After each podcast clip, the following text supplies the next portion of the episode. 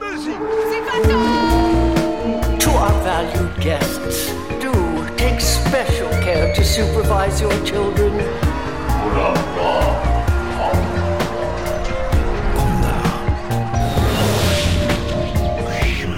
Het is weer ochtend in Pretparkland. Goedemorgen pretparkland en welkom bij je ochtendelijke pretpark podcast. Mijn naam is Erwin Taats en Danny van der Weel en ik waren afgelopen weekend in de Efteling.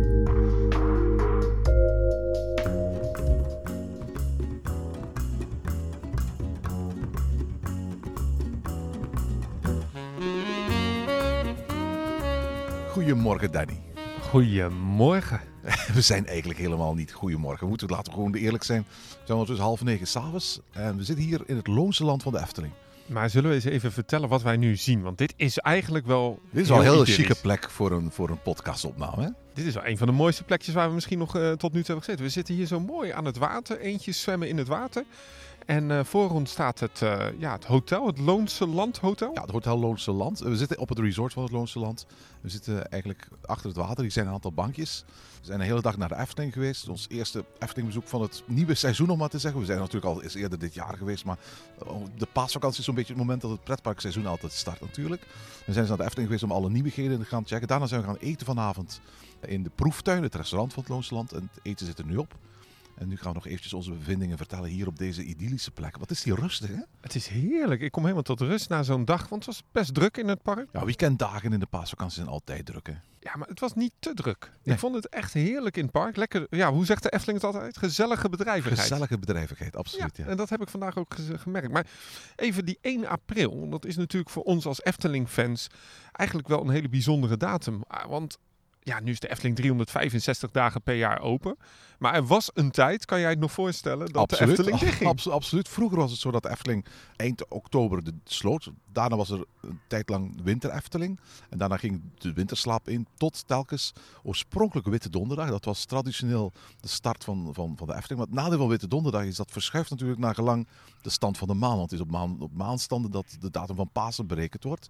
En dat kon soms zijn dat je echt letterlijk eind maart al de Efteling inkom. Maar het kon ook eind april zijn. En op een bepaald moment hebben ze gezegd van, daar gaan we van afstappen. We gaan ons standaard datum 1 april als openingsdatum nemen. Dus in de jaren voor de Efteling jaar rond openging, was 1 april eigenlijk altijd de startdatum van het nieuwe Efteling seizoen.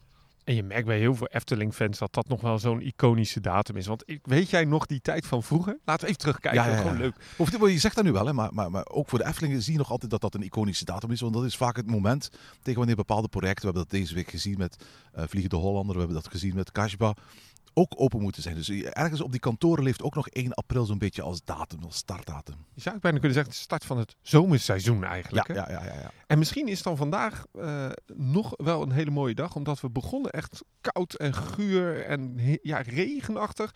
En ja, we zitten nu buiten om negen uur s'avonds Ja. onderhand met de ondergaande zon. Gelukkig en rond een uur of één is het volledig opgeklaard. Het is gestopt met regenen. En dan kwam in één keer de zon uit. Werd de lucht blauw. En werd het eigenlijk gewoon warm weer. Hè? Maar dat, dat was echt lekker. Maar die, die, die 1 april, ik weet nog wel vroeger, dan ging ik mijn abonnement weer ophalen voor het jaar. Ja, ja, ja, En, eh, en dan ging je toch het eerste bij elkaar uitwisselen. Wat is er allemaal nieuw in het park? Hè? Social media was gewoon nog niet zo'n ding.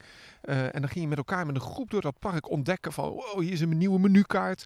Oh wauw, ze hebben daar weer wat geverfd. Het was een soort cadeautje wat je op die ja, 1 april kon uitpakken. En, Ja, en klopt. eigenlijk hadden we dat vandaag ook een beetje. Ja, ja, omdat er toch een aantal nieuwigheden waren voor ons. Er is dit jaar geen grote nieuwe attractie in de Efteling. Die komt er volgend jaar hè, met Dans Macabre.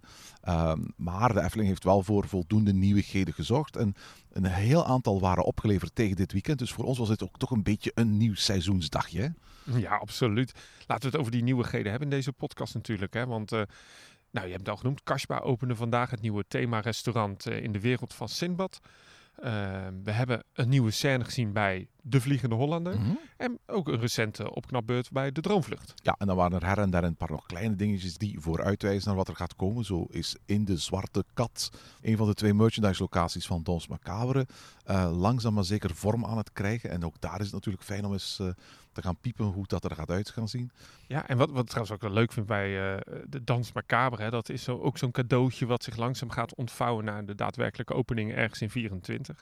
Maar is dat we dus nu al een act gezien, hè? de Charlatan Show. Dat is deel 2 hebben we daarvan gezien. Dat is een deel van het verhaal wordt daar verteld. En we zien dadelijk ook weer de opening van een nieuw uh, ja, horeca-toiletpuntje. En nu waren die stijgers al weg. Het is, uh, in, in meerdere gevallen is het echt wel een leuke, lekkere dag om weer nieuwigheden te spotten in het park. Ja, ik, ik, ik krijg wel van veel vrienden die geen Efteling-abonnement hebben, ook niet echt al heel vaak naar pretparken gaan, vaak de vraag van...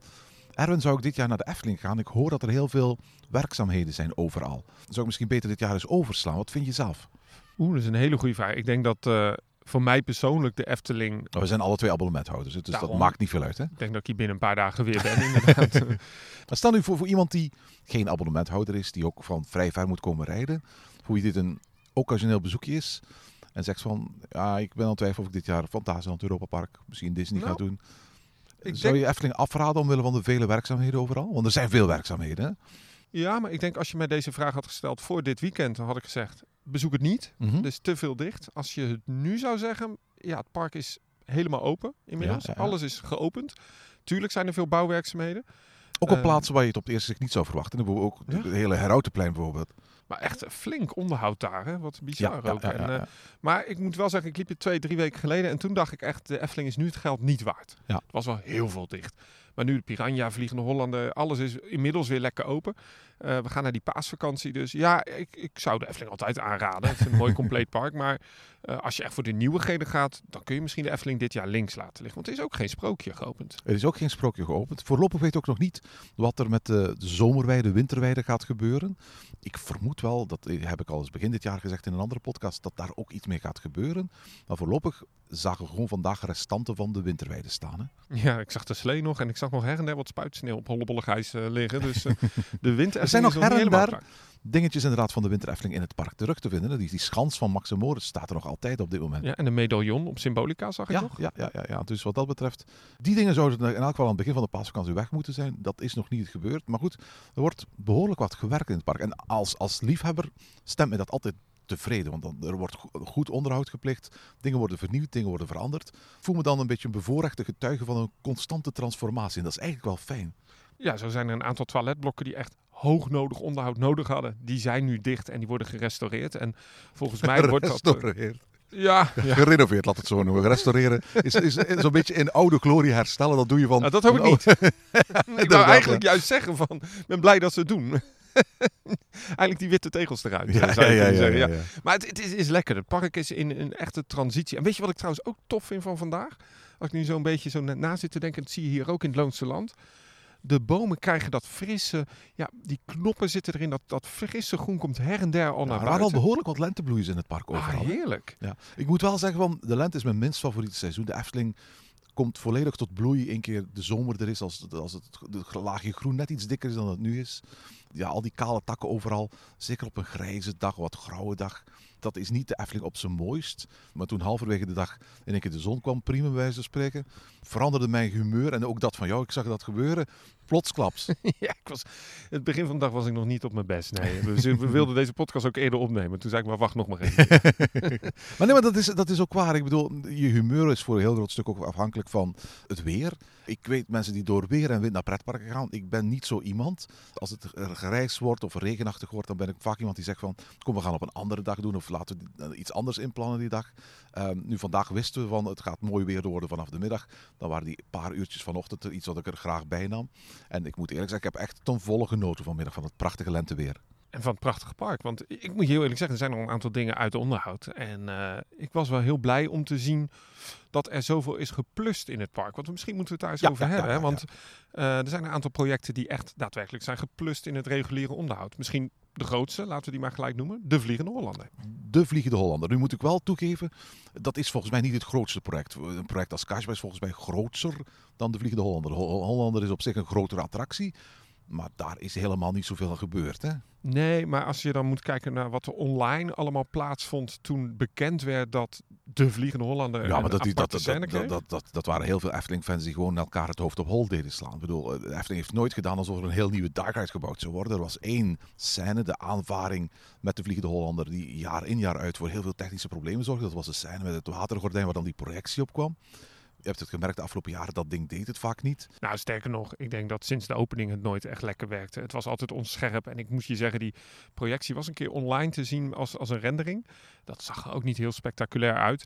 En, Het is ook eh, animatie uit 2006 ondertussen. Dat hè. merkte je ook wel. En zeker op zo'n watergordijn, wat dan ook uit 2006 kwam natuurlijk. Hè. Het was allemaal oude Ja. techniek. Maar in elk geval, om, omwille van al de problemen die ze daarmee hadden, hebben ze gezegd van, weet je wat, wat we moeten eigenlijk een soort van andere oplossing hiervoor zoeken. Dus met andere woorden, ik heb het altijd gezien als een soort van technisch project, meer dan een verhalend project of een thematisch project. Ja, wat ze uiteindelijk hebben gedaan in eh, de attractie voor de mensen die het niet helemaal weten, is die scène met de aanvaring van de Hollander. Die hebben ze helemaal aangepakt. En ook op de lifthill zijn een aantal kleine veranderingen weer eh, gedaan. Wat ze in ieder geval hebben gedaan, zijn alle watergordijnen eh, uitgezet, weggehaald. En wa- waarom ze dat hebben gedaan, is voornamelijk vanwege de corrosie in het gebouw. Je moet je voorstellen dat als jij natuurlijk ja, 8, 9 uur per dag daar water langs die noodtrappen van de lifthill laat kletteren. Dat is niet heel goed voor je staalconstructie. Eh, dan krijg je veel storingen. En men heeft wel echt gezegd, nou, vanwege die, ja, dat technisch onderhoud, vanwege die storingen, moeten we iets gaan bedenken wat ja, voor op de lange termijn ja, echt de levensduur wel gaat verlengen natuurlijk. Ja, ja, ja. En dus hebben ze maar een, een, ja, een scène gepropt in een voor de rest heel karige dark ride. Luisteraars die, die, die onze podcast volgen, weten mijn mening ongetwijfeld over de Vliegende Hollander. Vooral duidelijkheid, voor onze podcast is de Vliegende Hollander een heel belangrijke attractie. Want de allereerste aflevering die we ooit in de Efteling hebben opgenomen was op de openingsdag van de Vliegende Hollander. Dus dat is heel erg lang geleden. En toen ehm, hebben we uitgebreid verteld over waarom wij de Vliegende Hollander ja, absoluut geen warm hart toedroegen. Waarom wij eigenlijk vonden dat dat hele project een beetje mislukt was. Ja. Toen hebben we een aantal jaren later een nieuwe podcast opgenomen met als titel De Vliegende Hollander een terugblik. En in die aflevering hebben we toen onze mening gegeven nadat we vele jaren lang gewend waren geworden aan De Vliegende Hollander. En gekeken van, heeft dit onze mening soms veranderd? Want soms kan dat soms gebeuren. hè. Je eerste reactie hoeft niet je permanente reactie te zijn. De eerste keer dat ik wijn dronk vond ik het, vond ik het ook maar iets vies. Nu vind ik het heerlijk. Dus met andere woorden, sommige dingen moet je leren appreciëren als een goede wijn. En we vroegen ons af, zou dat misschien bij De Vliegende Hollander eh, ook het geval kunnen geweest zijn? Spoiler, dat was het niet. Dus met andere woorden, ik, ik, ik, ik heb altijd een beetje gemengde gevoelens bij de Vliegende Hollander gehad, tot op vandaag. Absoluut. Ik vind ehm, de Vliegende is echt een publiekslieveling. Dat merk je ook in het park. Het is een, een druk bezochte attractie. Hoge capaciteit toch wel. Je merkt toch dat er veel bootjes zijn. 1180 bezoekers per uur, zoiets? Ja, rond die 1200. Nou, Ja. dat is best netjes voor een pretpark als ze met negen boten varen. Ja, volle capaciteit is dat. 9 boten max. En wat ik dus best wel ja, bijzonder vind, is toch de reactie van die mensen als zij ja, in die attractie zitten. Ik hoor ze dat beleven en dan denk ik soms, wat zie ik of hoor ik niet? Want mensen zijn altijd zo enthousiast over dat ding. En ik zelf heb dat niet. Ja, als je de jaarverslagen van de Efteling leest, dan zie je ook altijd, daar staat altijd zo'n ranking van de vijf populairste attracties van het park. En daar staat al sinds jaar en dag de Vliegende Hollander altijd in. De Vliegende Hollander is echt wel populair bij de bezoekers van de Efteling. Ja, en waar zou dat dan in zitten? Hè? Want ik, ik was vandaag ook in die scène en dan die, die boegbeelden die lichten dan op. Mensen schrokken echt en die hadden echt de beste tijd van hun leven. En, en ja, en ik zat daar toch wat zuurder in. Voor mij is het een 100% een gevalletje van, van overpromise, underdeliver. En dat heeft een beetje te maken met het feit dat, dat ik eigenlijk de bouw van die attractie van nabij heb gevolgd toen in 2005, 2006. Eh, en dat er toen duidelijk meer beloofd werd dan er werd ingelost. En dat uiteindelijk er ook behoorlijk wat wegbezuinigd is in die attractie. Waarvan ik echt gehoopt dat dat het verschil had kunnen maken. Onder andere bijvoorbeeld de boegbeelden die zouden komen, de oplichtende boegbeelden eh, op de lifthill. En eh, er is altijd een gevoel geweest van hier zat meer in. Hier, de, de, de, de, de makers, de ontwerpers van deze attractie hadden grotere aspiraties dan is gebouwd kunnen worden. Ik heb altijd de hoop gehad dat de Efteling eens terug zou keren naar de tekentafel en zich zou afvragen van we zijn een aantal jaren later, we hebben wat meer budget. Kunnen wij hier nog bepaalde dingen aan aanpassen, zodat de attractie meer in lijn komt met wat de oorspronkelijke ontwerpers, Karel Willem en zijn team, bedoeld hadden. En eigenlijk hebben we dit jaar voor het eerst, dankzij die, die technisch noodzakelijke verandering van het watergordijn, een eerste blik gezien op wat dat zou kunnen worden. Wat een verbeterde Vliegende Hollander zou kunnen zijn. Althans, dat was de bedoeling. Weet je wat mij dus opvalt? Is dat er eigenlijk helemaal niet heel veel voor nodig is om die Vliegende Hollander beter te maken. Nee. Ehm, je, Ik doneer zegt- graag een set kerstlampjes dat ik thuis heb liggen, zo- om- zodat er wat meer sterren aan die sterrenhemel terechtkomen. Hè? Dan doneer ik nog wel eh, een of andere knuffel van een rat of zo, wat nog op een ton ligt. eh. Ja, die radden waren ons beloofd, maar die zijn er niet gekomen. Hè? Nee, nee, nee. Volgens mij omdat jij een keer in de podcast zei van, eh, die wil ik niet. Dat is, dat, Nee, ik had gewoon gezegd dat het, dat het op volle zee heel onlogisch was dat er in één keer een, een, een, een rat tevoorschijn zou komen op een scheepswrak. en dat hebben ze blijkbaar bij de Efteling gehoord. Met als gevolg dat, dat ze gezegd hebben van dat gaan we niet uitvoeren. Maar eh, als we het dan hebben over beschikbare ruimte, en je zegt open volle zee, probeer dat maar eens te creëren in een dark ride die aan zich niet heel groot is. Ehm, die aanvaringsscène met dat watergordijn, daar was een, een regen ehm, ja, omgeving gecreëerd met licht en bliksem. En dat was eigenlijk best wel een soort chaos. En door die chaos wist je niet zo goed wat er gebeurde, maar ging het ook gelukkig snel voorbij. Dat is nu wel heel anders. Er is wel een chaos, maar het is veel meer geregisseerd. Het is eigenlijk geëvolueerd van een scène met animatie naar een vrij statische scène. Ja. Met, die, met drie beelden zag ik volgens mij, drie boegbeelden die dan oplichten. Wat, wat, wat leuk is, ze hangen wel echt over het bootje heen. Eh, Ja, er je zit- zit ook vrij laag in de boot. En dat, dat Ja. betekent dat je eigenlijk ook omhoog moet kijken naar die, naar, die, naar, die, naar die boegbeelden en naar die scheepswrakken. En dat maakt ze best wel imposant. Maar haalde jij het eh, eruit dat het eh, boegbeelden waren? Ik zag vooral engelen. Ik kan me daar iets bij voorstellen, maar goed, ik wist waar ik moest naar kijken. Ik wist dat ze bestonden, ik, wist, ik had er al foto's van gezien. Dus ik, ik, ja, voor mij was er op geen enkel moment twijfel dat het een boegbeeld was of zo. Nee, maar ik vraag het ook voor de reguliere bezoeker, hè, de bekende Truus uit Delft. Ik, ik, ik vond gewoon, en ik wil niet weer negatief worden op, op, op de Vliegende Hollander, maar ik vond gewoon het allemaal wat ja, underwhelming eerlijk gezegd. Ik vond het nog niet af. En ik denk dat het ook voornamelijk zat vanwege het geluid. Waar ik voorheen wel echt die scène met, met mooie epische muziek. Dat ging naar een crescendo en er was een bas. En dan kwam dat brullende van die Hollander op je af. Dat was beter afgesteld voorheen dan nu. En ik vond het geluid te zacht staan. Hè. Dat kun je vrij makkelijk was in de rest van de attractie ook het geval trouwens. Het is heel zacht. Ook in de ja. wachtrij. Ja, klopt. Je hoorde bijna niks.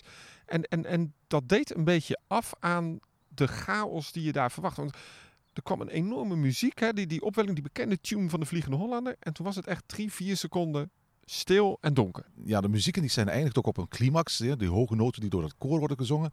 En net op de climax wordt alles donker. En weet je wat er dan gebeurt? Dan, dan haakt dat bootje in of op iets, op iets technisch. En dat valt dan enorm op. Dat je bootje schokt dat op die ketting omhoog. Ja, ik vond het heel mooi dat, dat daar een misteffect was met, met rood licht. Eh, dat vond ik een absolute verbetering Ja. in, ver- in vergelijking met vroeger. Maar ik had, ik had dat donkere moment, net op het moment dat muziek zijn, zijn, zijn climax bereikt, niet verwacht. Het, het was een beetje een, een, een anticlimax. Ja, doordat het stil was. En, en, en ja, dan denk ik van, je hebt toch een paar maanden de tijd gehad om dat te fine-tunen. Eh, eh, waarom is dat niet eh, helemaal gedaan? Is het een verbetering met hoe het vroeger was? Wel, ik zat in dat bootje, we hebben de attractie ook een paar keer gedaan. En elke keer had ik het gevoel van, ik snap dat dit technisch handiger is. Ik ben blij dat er meer fysieke elementen in de attractie aanwezig zijn. Maar tegelijkertijd vond ik vroeger het climaxmoment, hoe onbeholpen die animatie ook was, hoe, hoe slecht die, die, dat watergordijn het ook deed, waarschijnlijk indrukwekkender dan wat we nu te zien krijgen. Ja, absoluut. Ik vond het er voorheen ook veel beter eigenlijk eh, qua chaos. Als het en- werkte. Als het werkt, ja, dat, dat is natuurlijk het probleem. En dit is betrouwbaar, want het zijn een paar ledlampen die oplichten op Ja, een, ja, eh, ja, een paar boegbeelden. En er is wat, ja, volgens mij wat plof eh, van die potten, van die, van die Mhm. waterbommen. Ja, en overigens maakt het ook wel echt uit waar je zit, vond ik. Want als je voorin zit, dan, dan kijk je wat meer nog naar achter van wat gebeurt er. Nee, je wil eigenlijk voor achter- beste effecten achterin recht zitten eigenlijk. Hè? Volgens mij wel, ja. Dan komt het wel spectaculairder over qua licht en eh, geluid, ja. Maar goed, we praten nu best wel lang over een paar spots, hè. Het, het, het- zoveel is er niet gebeurd, want die scène daarvoor, nou, matig. Er was niet veel mist. Ik, ik rookte Over, zee over, niet. over- in het algemeen, er waren heel weinig geureffecten in de attractie, ook niet in de wachtrij. Ehm, daar er ook dingen niet. Die, ook daar deden er ook niet. Een aantal effecten die het al jaren niet doen, waren niet hersteld. En we hebben nog één dingetje niet besproken. Dat is, er is nog iets veranderd aan de attractie. Dat is de buitenwachtrij. De buitenwachtrij, dat was vroeger een soort van ja, provisorische wachtrij die, die, die voor een groot stuk opgebouwd kon worden als er veel en weinig volk is. Die is nu min of meer eh, vastgemaakt. En het- het stomme is, je weet die voorgeven, dat voorportaal van, van, van de Vliegende Hollander, daar staat die wachtrij nu voor. En we hebben gezien toen daarnet vanochtend het behoorlijk druk was, dat eigenlijk dat, dat hele majestueuze uitzicht dat je hebt op die ingang van die attractie, die wordt nu helemaal kapot gemaakt door het feit dat daar gewoon hordes mensen in rijtjes voorlopen. En dat, ik kan dat eigenlijk niet begrijpen, dat je vlak voor de ingang van je attractie een wachtrij plaatst. Nee, en, en, en het is ook voor mij echt zo'n extended queue die pas op het laatst wordt gebruikt. Dus er staat ook altijd staan er van die lelijke hekjes. En het zijn van die standaard Efteling hekjes. Ook niet die mooie eh havenhekjes die je wel bij het huis van Willem ziet. Ze zijn ook iets Eh, groter dan de vorige hekjes, geloof ik. Ja, het, het, het voelt een beetje goedkoop aan, mag ik dat zo zeggen? Standaard. Het voelt de standaard aan. En ik denk van, goh, je hebt nog een heel bovenbalkon. Had je dat er niet bij kunnen betrekken? Of was daar nou niet meer mee te doen? Ik, eh, ik, ik, eh, ik, ik vond het daar niet een upgrade. Ja, het was vooral zo jammer dat die aanblik op dat huis eigenlijk volledig verstoord wordt door die enorme massa die daar nu straks, zeker als het druk zal worden, permanent voor gaat staan. Dat is eigenlijk jammer voor je ontwerp. Er is zoveel te winnen nog bij de Vliegende Hollander. En ik had stiekem misschien een beetje de valse hoop dat ze dat zouden doen. Eh, goed, de scène met de aanvaring, ja, ik vind hem niet verbeterd. Nou, misschien hebben ze geleerd hieruit hoe je met relatief weinig moeite en relatief weinig middelen eh, zo'n attractie licht kunt plussen. En dat we de komende jaren gaan zien dat er misschien een soort van uitbreiding komt daarop. En dat er misschien nog meerdere scènes aangepast kan worden. Nou ja, Zou het, kunnen. ja, het voordeel is natuurlijk, ze hebben nu een showcontrol geïnstalleerd, wat waarschijnlijk helemaal up-to-date is. Dus je kunt vrij makkelijk volgens mij dat eh, aanpassen. Maar laten we het dan hebben over een attractie die ook technisch geupgrade is met licht en geluid. Droomvlucht. Droomvlucht, absoluut. Nu, voor alle duidelijkheid, in allereerste instantie moet je zeggen dat Droomvlucht een, een technische update gekregen heeft. Hè?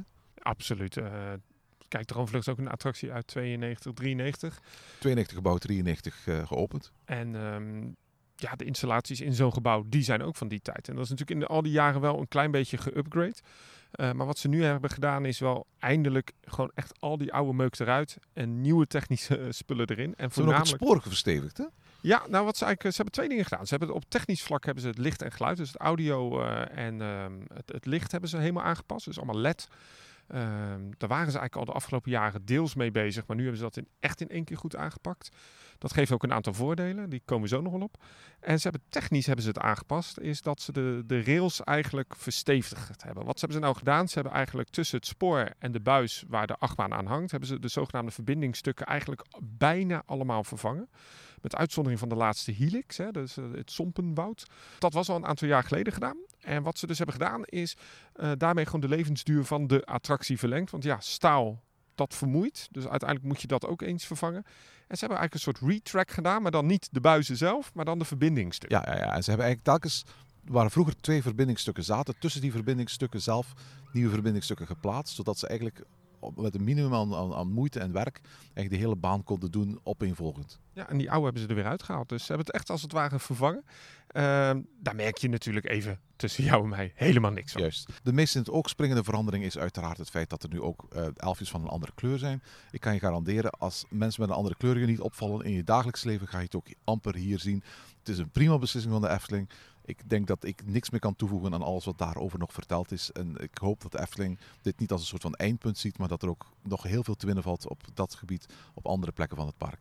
Ja, zeker, zeker. En ehm, goh, de elfjes en ook eh, alle andere figuren, die hebben inmiddels ook een mooi vers lichtpatroon. Juist, en ik, ik moet eerlijk zeggen, van, ik was vooral onder de indruk van hoe, hoe mooi ik deze attractie uitgelicht vond. Ja, want eh, als jij denkt aan ledlicht, dan denk je toch aan ja, een beetje dat kille, dat beetje dat, dat, dat harde. Dat schijnt vroeger altijd zo geweest te zijn. Maar het is natuurlijk een vrij re- recente technologie. En vandaag de dag kunnen ze eigenlijk de warmte van echt licht, om het maar eventjes zo te zeggen, behoorlijk goed nabootsen met LED. Ja, ik merk het thuis ook bij mijn Philips Hue lamp. Die kan ik ook een mooi eh, gloeilampachtig eh, effect geven. En ja, wat ze natuurlijk hebben gedaan, is daar ook wel echt mee hebben gespeeld. En we zien de Efteling heeft dat vaker gedaan bij eh, attracties. Eh, het meest in de oog springende voor mij was de Fata Morgana een aantal jaar geleden. Dat de zon opkwam in Ja, de laatste ja. jungle scène.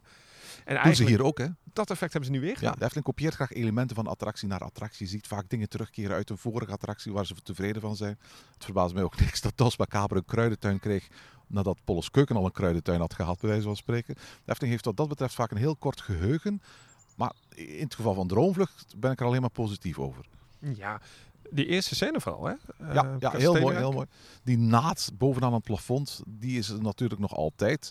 Ik vraag mij altijd af van waarom die niet op een makkelijke manier kan weggewerkt worden. Maar het zal wel zo'n euvel zijn waar we als Efteling-liefhebbers al sinds 1993 over klagen. En dat zeker na deze update wellicht ook nooit meer gaat veranderen. Jammer, maar goed, het zij zo. Ja, je moet er maar bij kunnen, denk ik dan natuurlijk. Want dan moet je het hele decor weghalen, volgens mij. Maar wat ze natuurlijk heel goed hebben gedaan, is daar een zonsopgang en ehm, zonsondergang gesimuleerd. En dat hebben ze eigenlijk zo gedaan dat alle karretjes dat meekrijgen. Ja. En dat vond ik zonder dat het storend werd. En Ja, zonder dat je het had dat je in een soort van discotheek zat. ja, en, wa- en- en wat mij dus ook opviel, er waren echt wel punten belicht ook in die scène dat ik nog nooit eerder echt naar had gekeken. De klimop van, ik zeggen, van de, het entreeportaal waarin je binnenkomt bij die kandelaars. Eh, de vlaggen daar, die, zijn, of die banieren zijn wat beter uitbelicht. En zo kun je eigenlijk in elke scène in de attractie wel iets vinden als fan wat je denkt van, oh, Ik vond, wel heel goed goed vond de manier waarop de attractie uitgelegd is echt diepte toevoegen aan diverse scènes. Dat had ik vooral in het Wonderwoud en de Elfentuin. Maar zelfs in de eerste scènes vind ik dat verschillende lagen van elke scène beter tot z'n recht komen dankzij deze nieuwe verlichting. Dit is echt een serieuze upgrade. Ja, dat had ik vooral in de laatste scène, het Sompenwoud, de, de spiraal naar beneden. Eh, dat vond ik heel fijn uitbelicht. Ja, absoluut. Knap werk hoor, want Ja, ja. Het, is, het, is, het is echt wel een kunst om dat te kunnen. En ik, ik moet je heel eerlijk zeggen, de Efteling wordt nog wel eens verweten dat het een soort kleurenpalet is. Zeker in de winter met overal kleurenspots en een soort discotheek. Maar ik vind de, de, de laatste toevoegingen qua ledlicht in het park echt, echt heel goed. Ja, ja, een paar kleine veranderingetjes nog. Eh, ik denk, de koning Oberon heeft twee schoenen in plaats van één. De elfencarousel is, is niet van richting veranderd. Ik had altijd gehoopt dat, dat men die richting zou veranderen. Zodat de elfjes in jouw richting komen aanvliegen in plaats van dat ze weg van je vliegen. Dat eerste logischer gevonden. En de slingertrol, ehm, die hangt er nog steeds. Die is ook van, van kijkrichting veranderd.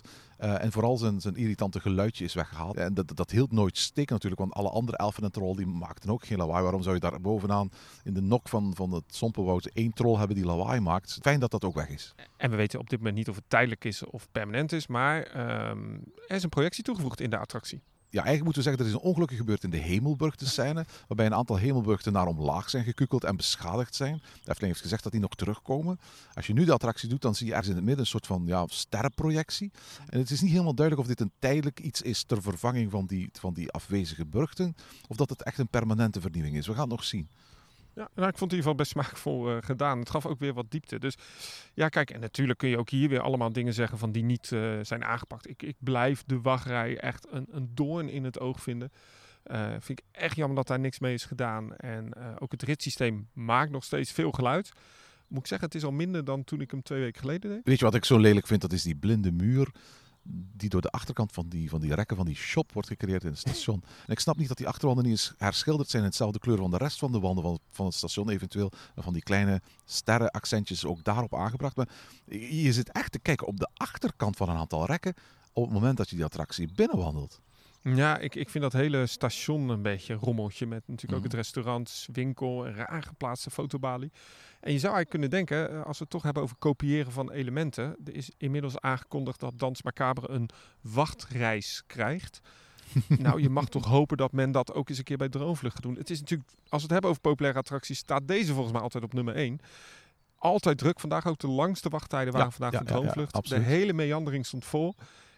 En dan denk je, dit is niet meer helemaal, ja, ik ga het toch even zeggen, de 9 plus ervaring die je verwacht.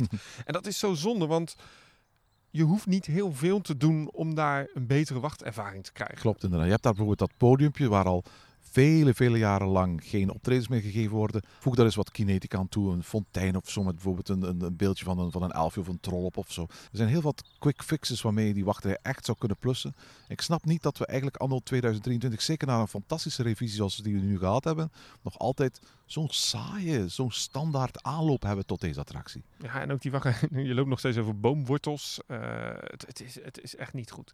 En dat, dat vind ik jammer. Ehm, Ik denk dat de gemiddelde bezoeker die deze attractie ziet, niet gaat doorhebben dat er iets veranderd is. Misschien als hij de media wat gevolgd heeft, gaat hij weten en opmerken van hé, hey, er zitten ook anders gekleurde elfjes in het gezelschap in één keer. Ja. Maar ik denk dat de meeste bezoekers die Droomvlucht nu gaan bezoeken, en die Droomvlucht niet kennen zoals een abonnementhouder, het gevoel zullen hebben dat ze in dezelfde Droomvlucht als altijd zijn gestapt. En voor alle duidelijkheid, dat is een compliment.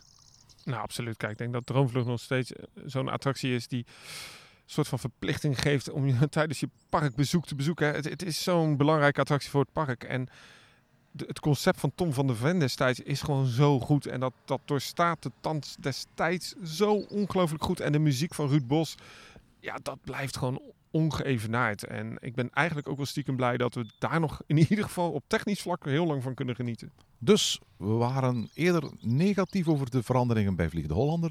We zijn Ja. zeer positief over deze technische update aan Droomvlucht. Kashba. Kunnen we de podcast stoppen? Ik denk dat onze luisteraars ook willen horen wat we vinden van Kashba. Mensen die de afgelopen jaren al in de Efteling zijn geweest, die weten dat eh, op het Dwarrelplein, dus het, eh, het ingangsplein van de Efteling, er jarenlang een Laplace-vestiging was. De Vrolijke Noot, zoals die vestiging heette, is weggehaald, want daar wordt op dit moment het nieuwe hotel van de Efteling gebouwd. En de Efteling heeft er niks beters op gevonden dan het café-restaurant aan Laplace voor te stellen als een nieuwe locatie in het park. Nu, de aandachtige luisteraar weet dat ook in, in dat café-restaurant al een Laplace aanwezig was. Althans, helemaal achterin het restaurant. Mhm. Voorin was er tot, tot eind vorig jaar een bedieningsrestaurant dat door de Efteling werd uitgebaat. En het is dat restaurant dat nu ook Laplace geworden is. Ja. En het geheel is binnengetrokken in de wereld van Simbad en heeft een soort van Oosterse aanblik gekregen. Oriëntaalse romantiek noemt de Efteling het. Oh, vind ik nog best eh, goed gevonden. Ja. ja, wat belangrijk is, is dat eigenlijk de, op de plek van dat voormalige eh, bedieningsrestaurant nog wel gewoon tafelbediening is. Al moet je wel bestellen met de app. Ja, je bestelt via een QR-code en het eten wordt gewoon gebracht naar je tafel. Ja, en, en, maar het, het is wel, bevindt zich in dezelfde ruimte als eigenlijk waar het, het hele Laplace restaurant zich ook bevindt. Dus het is een soort, ja, alles gaatje van, eh, van bedieningsstijlen, maar ook van eh, thematische stijlen. We zijn er twee keer Ja. geweest. We, we- hebben geluncht vanmiddag. En dan zijn we nog eens langs geweest voor, voor een vier uurtje. De eerste keer zaten we in het oude Laplace gedeelte. De tweede keer zaten we in het bedieningsgedeelte. Wat vond je ervan? Niet goed. Nee, ja, het, het is, dat, dat merkt je misschien bij de intro. De wereld van Simbad, eh, de luisteraars weten ook dat ik daar wat kritischer op ben. Dat is geen wereld. Eh, er staat nog steeds die lelijke gevel van de carnavalfestival. De bestrating klopt niet. En ik vind ook ja, die hele waterspeelplaats, Archipel, nou ook niet echt heel goed. Misschien positief lichtpuntje is daarin ehm, ja, de voormalige Monsieur Cannibal. Ja, absoluut. Dat is een geweldige attractie geworden, Sirocco. Ja. Sirocco is prachtig, met, met goede muziek. Ik heb, ik denk, het afgelopen jaar vaker Sirocco gedaan dan in de tien jaar daarvoor Monsieur Cannibal. Dus stiekem hoopt u een beetje dat men met, ja, met, met die manier van thematiseren, maar ook met die manier van storytelling, die hele wereld zou aanpakken. En toen men zei van we gaan fase 2 doen, had ik ook echt wel een beetje stiekem de hoop dat ze iets zouden presenteren dat ik dacht van ja. En ik moet je heel eerlijk zeggen, toen men Kashba aankondigde en die concepttekening naar buiten bracht, dacht ik van oké, interessant, dit, dit kan best wel wat worden. Maar toen ik verleden week, in, of twee weken geleden in het park liep en toen zei ze van over twee weken gaat hij al open. En ik keek toen naar het voormalige restaurant. Toen dacht ik, dit gaat nooit goed worden. Wat ze letterlijk hebben gedaan is houtwerk, onbestaand houtwerk heen getimmerd. Waar vroeger de, de pagola's waar je onderdoor liep, ja, dat is nu opnieuw aangekleed. De buitenkant is nog steeds een witte serre, al hoor ik dat ze die nog gaan aanpassen. Er staat nog een... eh, er staat nu zo'n nomadentent voor. Hè? En nog zo'n nomadentent, wat, wat niet zou misstaan in Walibi Holland, in het festivalthema. Ehm ook een hele rare tent is dat. Hè. We zagen het vandaag. Een hele schaduwrijke tent, waardoor we vandaag zagen dat zodra de zon uitkwam zitten, mensen eigenlijk gewoon aan de randen van die tent gingen zitten. Omdat, ja, als je eronder gaat zitten, heb je niks van de zon. Het is geen zonneterras meer. Nee, en die tafels staan dus niet vast. Dus voor mij gingen zelfs nog wat stoelen en tafels Ja, ja, ja, ja, ja, absoluut. Vroeger had je dat probleem niet. Dan had je van die parasols. Die kon je open en dicht doen, naar gelang het, het, het, het, het zonnig was of niet. Ja, en je werd tegengehouden door Jokie de Pretneusschutting. Dus Juist, je kon ook niet het terras af. Nu zag je echt dat mensen de zijkanten van het terras aan het opzoeken waren. Gewoon omdat ja, je wil bij de eerste lentezon eventjes in het zonnetje zitten. En, dan- en dan... Ook die, die- we liepen de eerste keer, liepen wij vanaf de traptreintjes richting Kleuterhof, eh, liepen wij daarheen. En wij keken elkaar aan. De achterkant was nog steeds wit. De Mhm. zijkant was gewoon geschilderd Een bruin. soort, zo'n soort bruin beige kleurtje. Ja. En ik moet je heel eerlijk zeggen, dit, dit, dit kan mij niet voorstellen dat de Efteling hier heel blij mee kan zijn. Ik heb echt ook het gevoel van, van eh, dat, dat hier de Efteling relatief weinig mee te maken heeft. Volgens mij is dit vooral door externe bedrijven en ontwerpers gedaan. Daar zal Sander de Bruin en zijn team wel eens eh, oogluikend naar gekeken hebben. Maar ik kan me bijna niet voorstellen dat ze hier heel, heel veel tijd aan, aan besteed hebben. Het zag er ook allemaal heel erg tijdelijk uit. Je maakte net de vergelijking met Festivalization in Walibi Holland. Dat is echt het soort idee dat ik had. Dit is een soort van Oosterse tent zoals je die ook bijvoorbeeld op Tomorrowland hebt in België. En, en Nou, sterker nog, bij Plopsaland staat het in het themazone. Juist, absoluut. zo. Maar je ziet dat iets op heel korte tijd in elkaar is gezet. Eh, niet van robuuste materialen, niet met thema dat, waarvan je weet van dat het er over vijf jaar nog prima uitziet. Dat is, dat, is, dat is geen probleem, want je zit op een festival. Maar dit is een nieuwe decoratie aangebracht in een van de oudste gebouwen van de Efteling. En het ziet er allemaal zo tijdelijk, zo flimsy, zo snel gemaakt uit. Ja, maar sterk nog, het is ook een, een plek die altijd druk is. Dit, dit is een restaurant. Dat wordt, of het nou rustig is in het park of heel druk, continu uren achter elkaar gebruikt.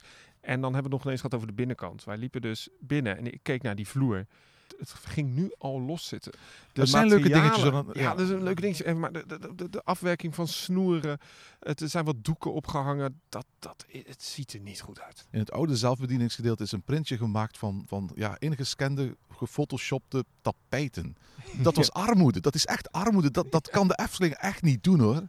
Nee, en ik snap ook dat je daar geen echte tapijten kunt doen. Maar leg daar dan mooi mozaïek neer. En ik snap ook wellicht dat je hier niet te veel geld in wil investeren. Maar dan denk ik bijna, Efteling, doe het niet. Ik moet zeggen, jij het zegt ook, ziet er ook allemaal heel tijdelijk uit. Zoiets van iets waar de Efteling niet veel geld in wil investeren. Omdat ze weten, over vijf jaar, misschien ten laatste over tien jaar gaat het er allemaal uit. Hopelijk niet nog eens tien jaar hoor. Mocht de Efteling dit aangekondigd hebben als een tijdelijke eh, transformatie, zoals ook vorig jaar Efteling Wonderland, als iets tijdelijks had aangekondigd, dan zou ik zeggen van, weet je, voor een paar jaar is dit wel oké. Maar dat hebben ze niet gedaan. En er, er, er zit zo'n angst ergens in mijn achterhoofd van, dit zou nog wel eens over twintig jaar ook kunnen zijn. En oh, wat vreselijk zou dat zijn.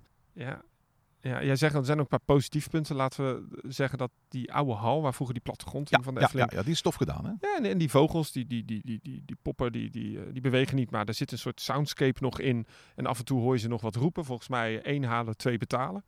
Nou, moet je heel eerlijk zeggen, zo waren de prijzen ook eh, in eh, van Laplace. Dat is duur hè? maar wij hadden voor drie personen hadden Ja. wij een broodje en wat, een lekkernij. Dus Ja, ik had zo'n slaatje van het saladebuffet ge- genomen. Ja? Ehm, Koffie. Eh, ja, ik had een frisdrank, maar dat was het ook. Ja. En wij hadden koffie, waren met z'n drieën. eh, en we hadden Iemand had nog een stuk taart of zo, maar Ja. echt, echt geen zotte dingen.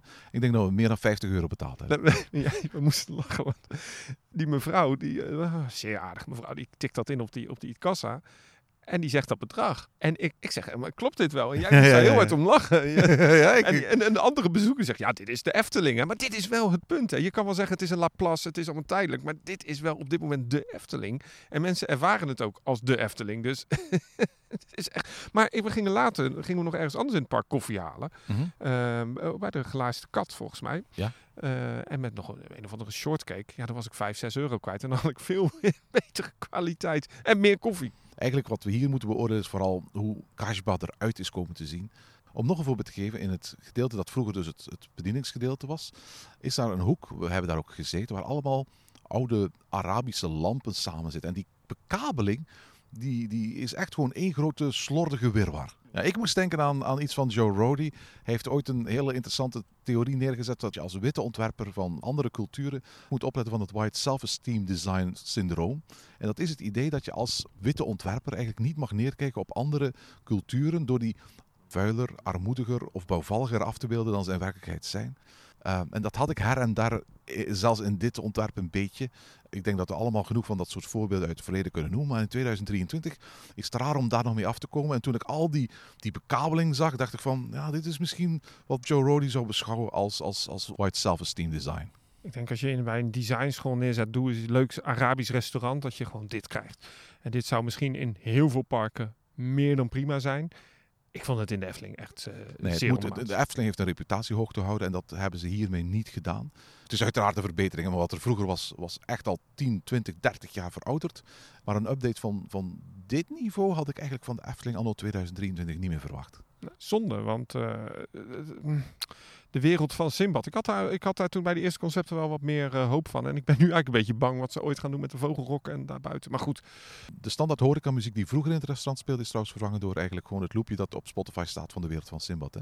Ja, ja, ja, met uitzondering dan van die hal uh, waar die trap is. Hè. Daar is dan een aparte soundscape ja, op ja, gemaakt. Klopt, ja. Met, met wat dialogen ook. Hè? Ja, ja, en dat was, dat was alleszins nog waarbij best je, aardig. Waarbij je zwarte raven hebt die onderhandelen over prijs op een toontje zoals je die uit Oosterse markt wel kunt herinneren.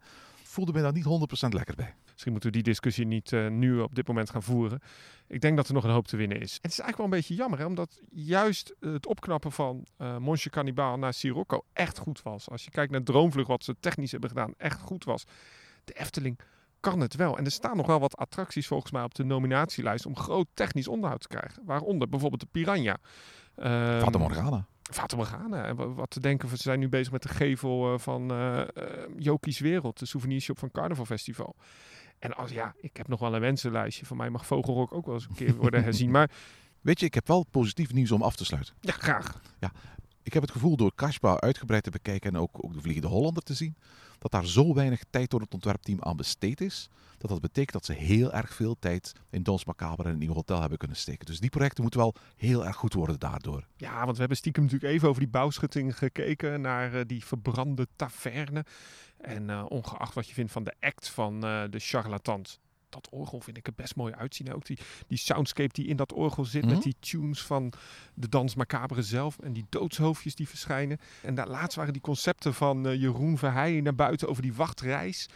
Eh, ik ben wel heel erg blij dat dat gaat komen. Hoor, Juist, absoluut. Dat gaat er goed En dat wordt eigenlijk ook een soort van, van, van nieuwe attractie dit jaar. Een, een eenmalige attractie. Dat wij als abonnementhouders, als regelmatige bezoekers van de Efteling, eigenlijk het komende jaar die attractie steeds meer gaan zien groeien. Steeds meer tot voltooiing gaan zien komen. En ook dat is eigenlijk minstens zo tof als af en toe eens een ritje in Fata Morgana of eigenlijk wel heel tof als je erover nadenkt dat er dus nu een entertainment act is die eigenlijk is afgestemd op de abonnementhouders. Hè? Want je moet nu eigenlijk elke keer weer terug als er weer een making-of online staat om die entertainment act te kunnen volgen. Ik, ja, ik, ik hou daar wel van. Ze zijn creatief bezig. Het En, tof, en ze het kunnen, idee. en dat is misschien het jammer. Hè? Misschien is dat de conclusie. Ze kunnen het zo goed. Ze kunnen heel veel dingen heel goed. De Efteling is, is nog altijd een van de topparken van Europa. Daarom. En dan is het eigenlijk zo. Nou, misschien moeten we zo uitglijden als Kaspa gewoon snel vergeten. Ja, en onze ja, ja, koffie gewoon lekker gaan halen in eh Bakkerij Krummel. Kijk, dat is een heel goed idee. Het is zo jammer dat op, op, op dit uur van de avond uiteraard de Efteling dicht is. De Krumel dicht is. Maar ik geef eerlijk toe, er zijn, als je eventjes wat te eten wil halen of wat te drinken wil halen, betere, fijnere, gezelligere plekken in de Efteling dan Kajba. En daar is Bekkerij Krumel een subliem voorbeeld van. Nou, en zeker. We waren vandaag dus in het Loonse Land. Hebben we een menu gegeten van 35, 35 euro, ja. Drie Alles in, gangen? drie gangen. Ik heb heerlijk gegeten. was super, Het- ja. Het was echt goed en de bediening was oké. Eh, we zaten lekker. te- het, ja, het was een perfecte afsluiting van de dag. En kijk nou eens voor je, Erwin. Het is nu inmiddels donker. Ja. We hebben de mensen echt eh, eigenlijk doorgeluld nadat het echt, eh, echt donker is. En dat landhuis hier, of hoe- dat, dat, dat, dat hotel. Hier het landhuis, het hotel Het Loonse Land. Ja, dat is prachtig verlicht met die geweien. En, dan, en we zitten hier voor Het is een geweldige water. plek hier, hè?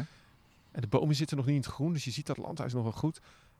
Het is een heel fijn plekje om te zijn. Ja, en zullen we ik- gewoon... Maar mag ik zeggen, on- ondanks al onze kritiek, hè, was dit toch een geweldige dag. We zijn van, van, van openingstijd tot sluitingstijd in de Efteling geweest. En ik heb me geen moment verveeld. We hebben heel vaak kritiek gehad op de Efteling. Maar we hebben minstens zo vaak genoten van alle schoonheid die dit park biedt. Ja, en dan wordt dat Herautenplein weer helemaal opgeknapt. Volgens mij is dat jouw favoriete plekje in de Efteling. Van, van, van- niet van jou dan? Ik heb nog een beter plekje. Dat kan niet. Jawel, ja, de Spiegellaan vind ik echt fantastisch. Vind ik echt genieten. Alright, ik win. ja, ik vind dat zo mooi. De beweging van de baron. Nee, ik snap wat je wil zeggen. Het is een heel mooie plek. En inderdaad, door een aantal aanpassingen de afgelopen jaren eigenlijk langs die laan. En zeker nu ook met, met het huiverwoud en dat dat er ook naast komt. Is het op zich een heel mooie, mooie laan geworden in de Efteling. Ik ben trots abonnementhouder eigenlijk. Ja, absoluut. En dat we nog vaak naar de Efteling mogen kunnen dit jaar. En tot zover deze aflevering van Ochtend in Pretparkland. Volg ons via het Pretparkland op Twitter, Instagram en Facebook of mail naar ochtend.pretparkland.be. Ochtend in Pretparkland is de pretparkpodcast voor vroege vogels. Bedankt voor het luisteren en maak er een fijne dag van.